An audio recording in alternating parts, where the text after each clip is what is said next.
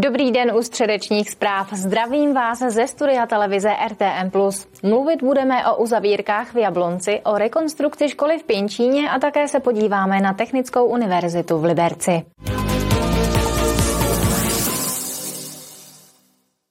Stavební sezónu v městech určuje především počasí. Blížící se podzim a tedy i konec stavební sezóny teď využívají na maximum i v Jablonci nad Nisou. Stihnout se tu musí ještě několik plánovaných akcí. S počínajícím podzimem se stavební sezóna pomalu a jistě blíží ke konci. V Jablonci nad Nisou se ale stále naplno pracuje, a to hned v několika jeho částech. Probíhají eh, práce eh, síťařů, hlavně plynaři budou pokládat eh, nové plynové rozvody v ulici Máchova a Antonína Dvořáka. Tam dojde k určitému omezení. Činnosti začnou a navážou okamžitě, jak bude otevřená ulice 28. října. Na inženýrských sítích se pracuje i v ulici u Přehrady. Tam do konce měsíce září proběhne tato rozpracovaná etapa a od října se světelná signalizace přesune dále směrem k městské hale, kde se bude pracovat na té další etapě, která by měla ještě skončit v letošním roce. V oblasti Mšena se v těchto dnech rozebíhají také pokládky optických kabelů. Mezi ulicema zhruba Mádí, Arbesova u kostela směrem dozadu ve Polkinským domům. Začíná to tento týden a bude to končit zhruba v polovině října. Druhá podobná činnost probíhá v oblasti jablonských pasek a sídliště Šumava, kde stejná společnost taky pokládá optickou síť a bude to probíhat eh, prakticky ve stejném termínu. Do konce roku se bude pracovat ještě v ulici Kaštanová, v Nivách a Cvrčkova, kde se řešily inženýrské sítě a kde město postaví nové obrubníky a položí nové povrchy.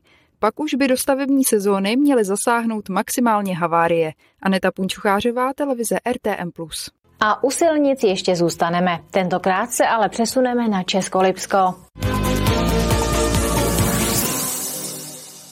Rekonstrukce silnice z Brniště do Velkého Valtinova se blíží ke konci. Hotovo má být v nejbližších dnech. Stavba se kvůli technologickým postupům o několik týdnů zdržela. Vůbec nejkomplikovanější byla podle kraje výstavba opěrné zdi a instalace záchytných zařízení. Liberec opraví několik válečných hrobů ve městě a přilehlém okolí. Půjde o památky ve Vesci, zahradě vzpomínek, Dlouhém mostě, Kunraticích a v Machníně. Restaurátorské práce výjdou na 200 tisíc korun. První premiérou jubilejní 140. sezóny Libereckého Šaldova divadla nazvané Zrození bude symbolicky Adam a Eva. Půjde o scénické provedení oratoria českého skladatele Josefa Myslivečka, který tvořil v Itálii. Dílo uvede operní soubor ve spolupráci s baletním souborem poprvé tento pátek. Půjde přitom o českou premiéru.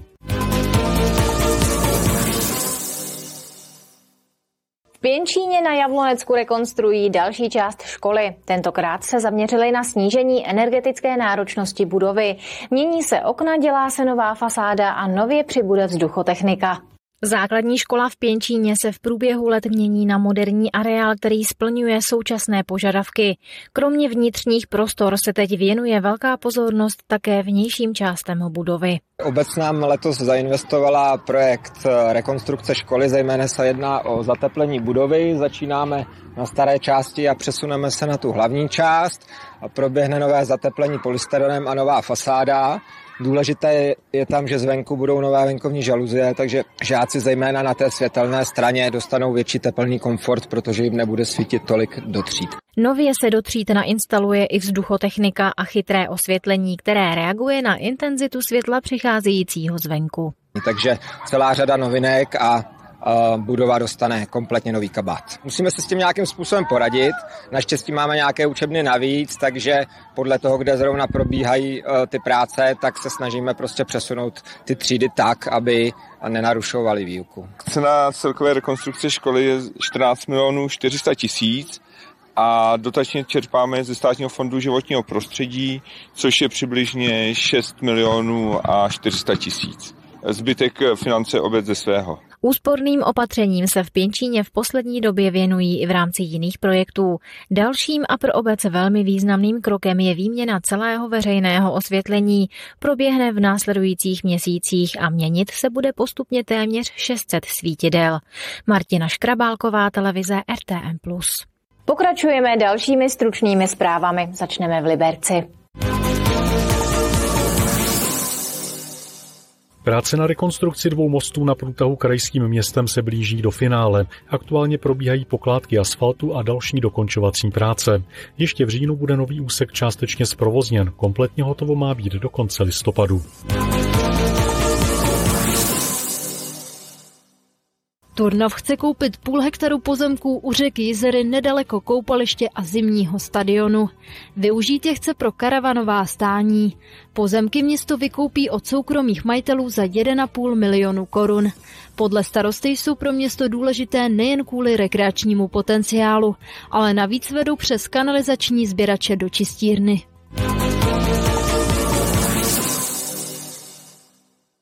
Jablonecké Reuse Centrum chystá na říjen další výprodej. Veškeré použité zboží bude za poloviční ceny. Lidé si tam můžou pořídit odložené, ale funkční vybavení do domácností, například kuchyňské nádobí, knížky, kočárky nebo školní potřeby.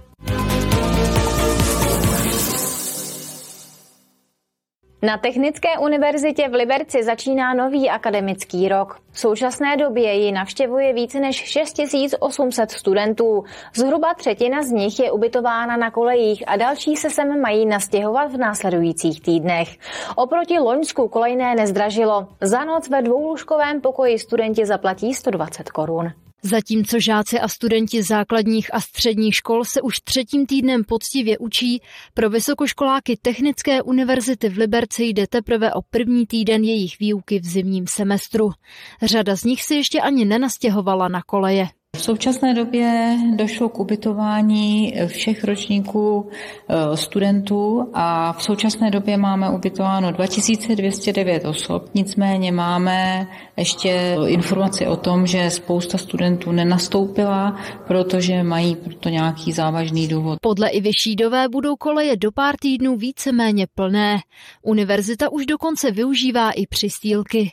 Na koleje se vejde maximálně 3084 studentů. Na všechny, kteří si zažádali, se dostalo. Děláme to, co jsme dělali v loni, že nedáváme k dispozici jednolůžkové pokoje až na výjimky. Vlastně to, že nedáváme Jednolůžkové pokoje je dáno i tím, že máme ubytováno zhruba 150 osob z Ukrajiny. Koleje letos nezdražují. Za noc ve dvoulůžkovém pokoji studenti zaplatí 120 korun. Měsíčně tak ubytování výjde na 3600 korun. Další dobrou zprávou je to, že sportovní haly na Harcově prošly kompletní rekonstrukcí. Zateplily se vnější pláž, vyměnily se okna, dveře, zateplila se střecha, Zrekonstruovaly se rozvody elektrické, vodní, vodorozvody, zrekonstruovaly se šatny, sprchy, záchody, sauna nová. Univerzita je nyní dovybavuje nábytkem a ozvučením. Otevřít by se měly v listopadu. Kateřina Třmínková, televize RTM+.